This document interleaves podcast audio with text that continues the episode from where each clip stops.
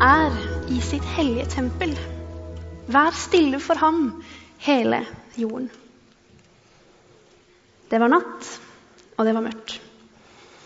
Israel hadde levd lenge i natta og i mørket. Sorgen og tårene over tapte slag var tung. Og skammen over de ydmyke ordene fra fremmede folk var så sviende. Tausheten, den var rungende. Det var så inderlig stille. Trøst, trøst mitt folk, sier deres Gud. Stillheten der Jesaja er, blir brutt, og han hører en hviskende, men mektig stemme. Tal til Jerusalems hjerte, og rop til henne at hennes strid er fullført. Hennes skyld er betalt, at hun har dobbelt fra Herrens hånd for alle sine synder. En røst roper, rydd vei i Herrens ørken. Jevn ut en vei i ødemarken for Gud. Jerusalem var kledd i mørke, og natten var blitt hennes dag. Men budet fra Gud, det var håpefullt. Reis deg, bli lys, for lyset ditt kommer. Herrens herlighet går opp over deg. Jerusalem gjemte ordene i sitt hjerte og ventet. Vi er i en ganske ubetydelig by i utkanten av Israel. Og der er det et lite tempel, og i dag er det ofring igjen. Og i dag er det presten Zakaria sin tur til å gjøre tjeneste. Utenfor står folkene og venter, og inne er Zakaria saksorientert. Kanskje har offerritualet blitt en rutine, og tradisjonen har blitt tomme. Jesajas ord i Jerusalems hjerte har gjemt seg i et så lite rom som ingen finner veien til. Og Zakaria lurer på om dette lille rommet egentlig bare er en myte. Jesajas ord det husker han bare som et eventyr, neppe noe å tro på. Men så blir dette stille rommet fylt med et kraftig drønn. Frykt ikke, sier engelen Gabriel. Stemmen hans lager ekko i det store rommet, og kroppen til Zakaria adlyder ikke beskjeden om å slappe av. Men engelen står der ennå, og Zakaria, han er redd.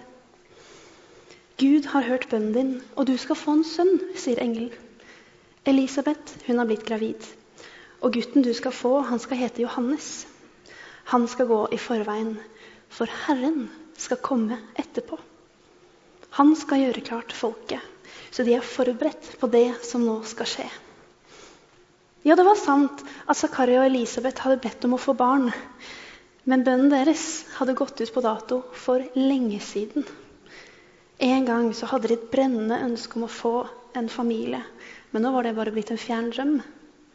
Hvordan kan jeg være sikker på dette? spør han skeptisk. Elisabeth er gammel, og jeg er jo enda eldre. Vet du hva, Han kan gjerne like si det han faktisk tenker på.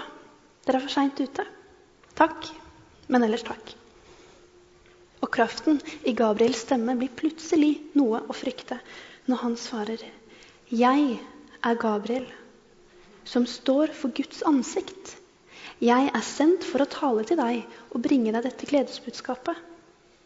Nå skal du bli stum og ikke kunne tale før dagen dette skjer, fordi du ikke trodde mine ord. Men det jeg har sagt, kommer til å gå i oppfyllelse når tiden er inne. Så ble det stille igjen. Presten med de mange ordene til engelen ble stum, og folkene på utsiden ble utålmodige. Og den første adventen noensinne begynte i mørket. Så adventens egentlige innhold det uttrykkes ikke best, dessverre, med julelenker og julelys. Nei, advent begynner i mørket. Det var nattsvart den første adventen. Og det er de samme nattsvarte temaene som skal gjelde i adventen i dag også. Og vi er heldige her i nord som har et sånn liturgisk klima. Mørkt til advent og lys til påske. Men det er jo ikke dagslys jeg tenker på når jeg snakker om mørketid. Nyhetsbildet for eksempel, er fullt av adventsfortellinger. 3.12. startet etterforskningen av en mor i Tromsø for drapsforsøket på sine to døtre og drapet på hennes tredje. Hun hadde dyttet dem i det kalde vannet. Og Samtidig ruller saken om Epstein, som ble dømt for seksuelle overgrep mot mindreårige. Og hans store nettverk av kjendiser og kongelige etterforskes mest av pressen og noen av FBI. I 1988 så ble Pan Am Flight E03 bombet mens det var i luften. Og 270 mennesker ble drept. Og kona til det ene offeret hadde bedt kvelden før mannen hennes skulle på reise, bedt om at Gud skulle passe på mannen på denne flyturen. Og etter ulykken så fortalte hun i et intervju at hennes syn på Gud hadde endret seg etter ulykken.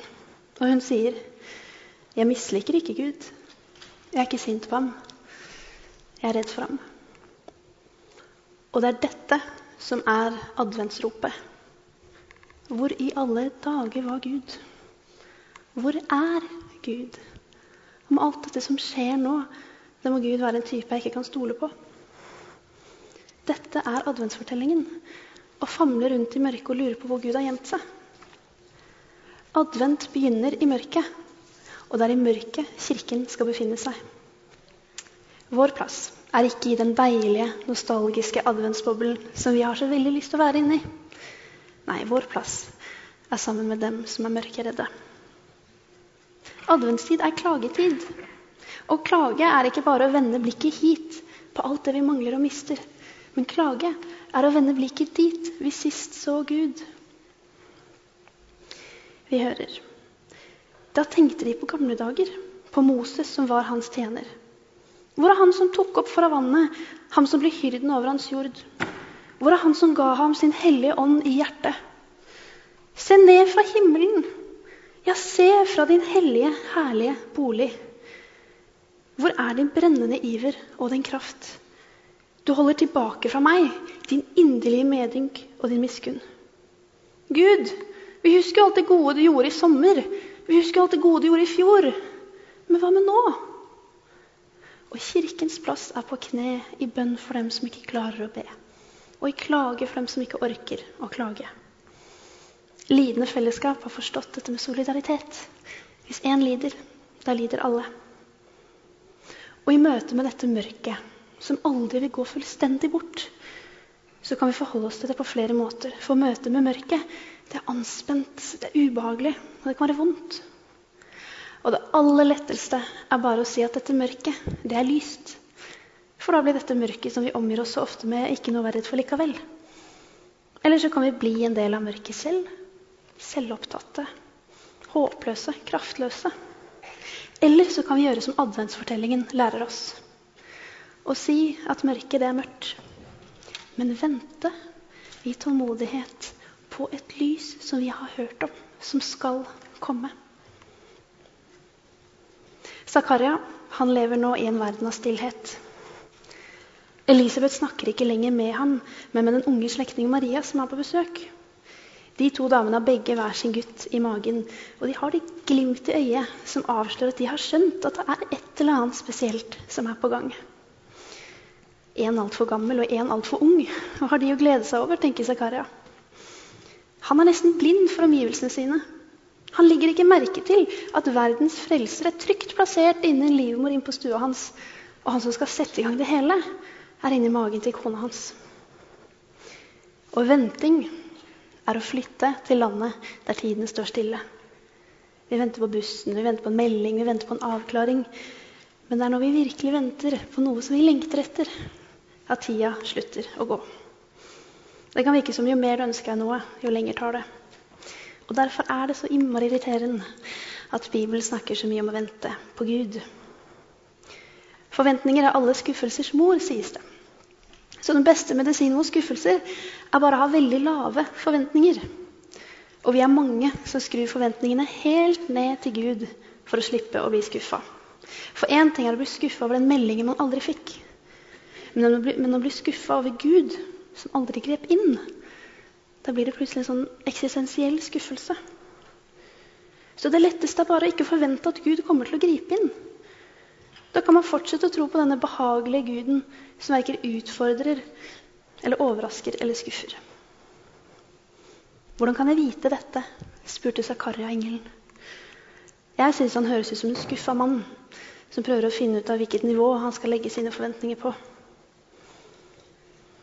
Hvordan har du tenkt å fikse dette? Kommer jeg til å måtte gjøre noe jeg ikke har lyst til å gjøre? Gi meg kontrollen, så er jeg er sikker på at dette går bra. Og så synes jeg at jeg aner en sånn kollektiv skuffelse blant israelsfolket. For det er mange hundre år med stillhet mellom Gamletestamentet og Nytestamentet. Det er gått så mange generasjoner siden sist noen så snurten av Herren. Og minne om en trofast Gud, det er så vidt at det lever. Jesajas trøstende ord ble sagt for så utrolig lenge siden. Samtidig som Zakaria lever i taushet, så løfter en gammel mann hodet og ber. I en by langt unna. Munnen beveger seg, men ordene kan ikke høres. De nærmeste rundt Simeon de vet likevel hva han ber. De har hørt det mange ganger før. Da stemmen hans var sterkere og frimodigheten større. Han ber om trøst for Israel og en frelse. Det hender han nevner disse gamle ordene gjemt inne i et lite rom i Jerusalems hjerte. Rydd vei. Rydd vei, nå kommer ditt lys, hender at han hvisker. Familien gir han overbærende blikk uinteresserte blikk når han snakker om Guds løfte. Surrete, vimsete, nostalgisk. Ord som reduserer denne mannen til noe patetisk. Folk spør om hvorfor Simon fortsatt sitter og venter. Hvorfor har han ikke gitt opp ennå? Hvorfor sitter han fortsatt og venter? Hva er hemmeligheten hans?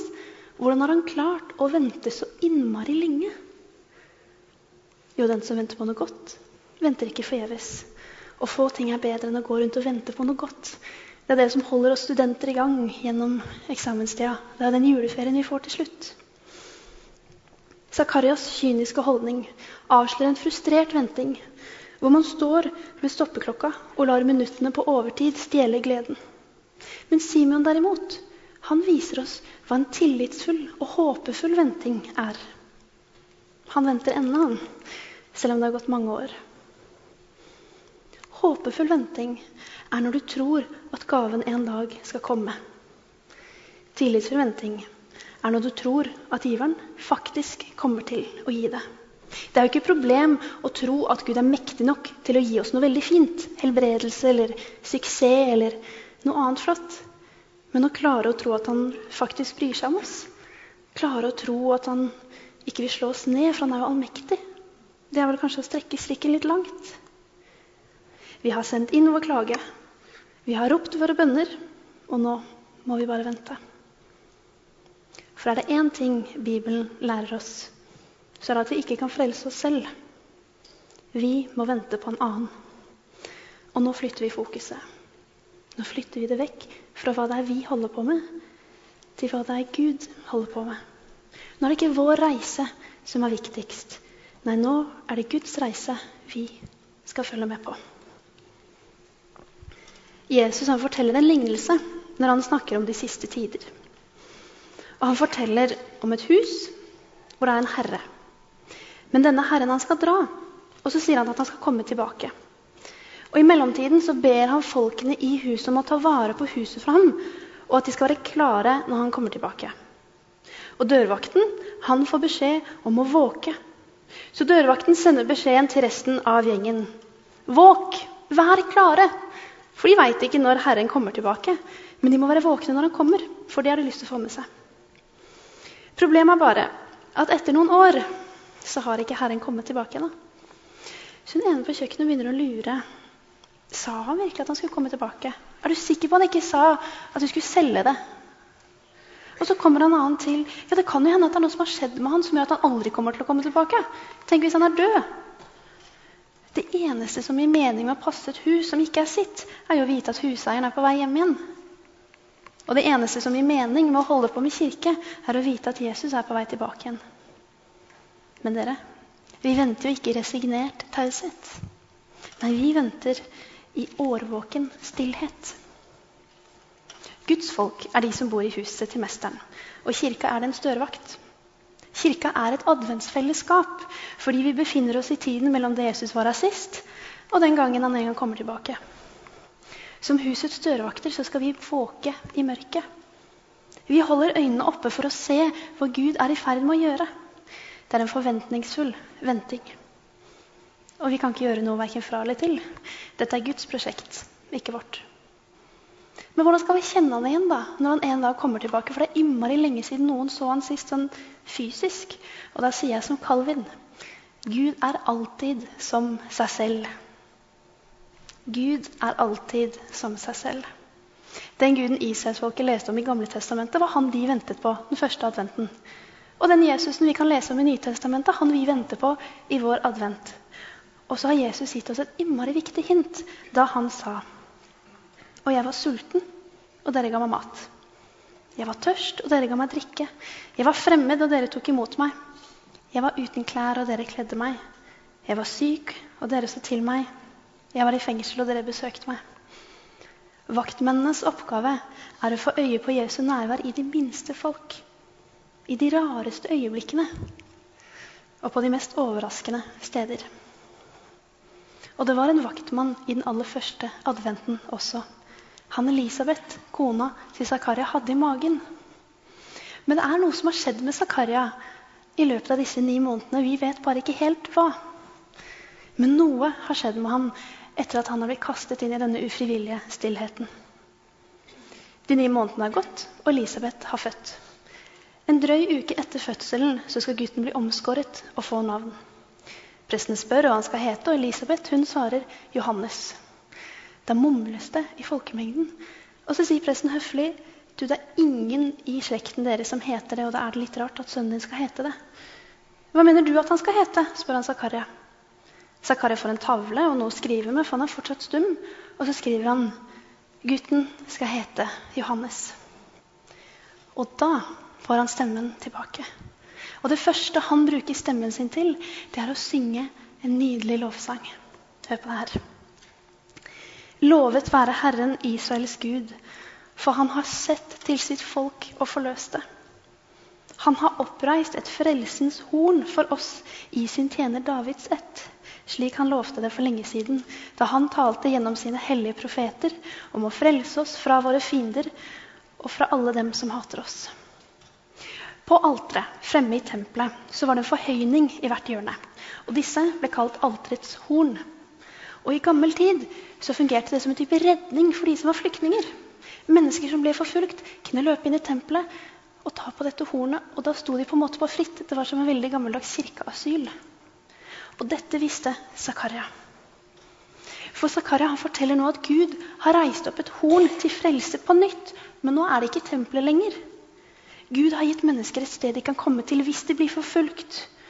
Gud har gitt et sted til, gitt et sted til mennesker hvor de kan stå på fritt.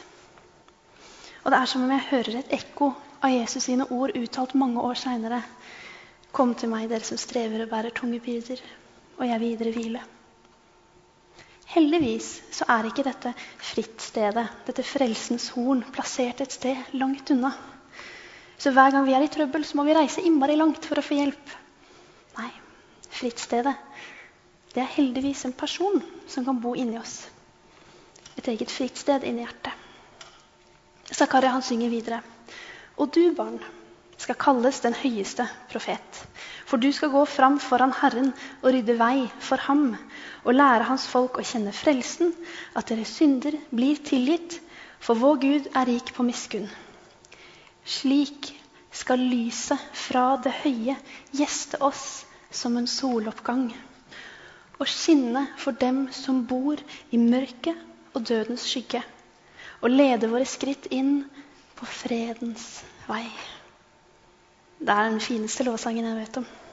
For jeg tror Zakaria fant dette lille rommet i Jerusalems hjerte med Jesaja sine store ord. Reis deg, bli lys, for nå kommer ditt lys. Herren kommer. Nå kommer soloppgangen. Og Zakaria han ventet ikke i en evig natt. Nei, han ventet i en natt på vei til en morgen. Og han så noe mer enn bare en soloppgang på horisonten av hans eget liv. Han så en soloppgang på menneskehetens horisont. Guds store frelsesplan hadde blitt virkelig for Zakaria.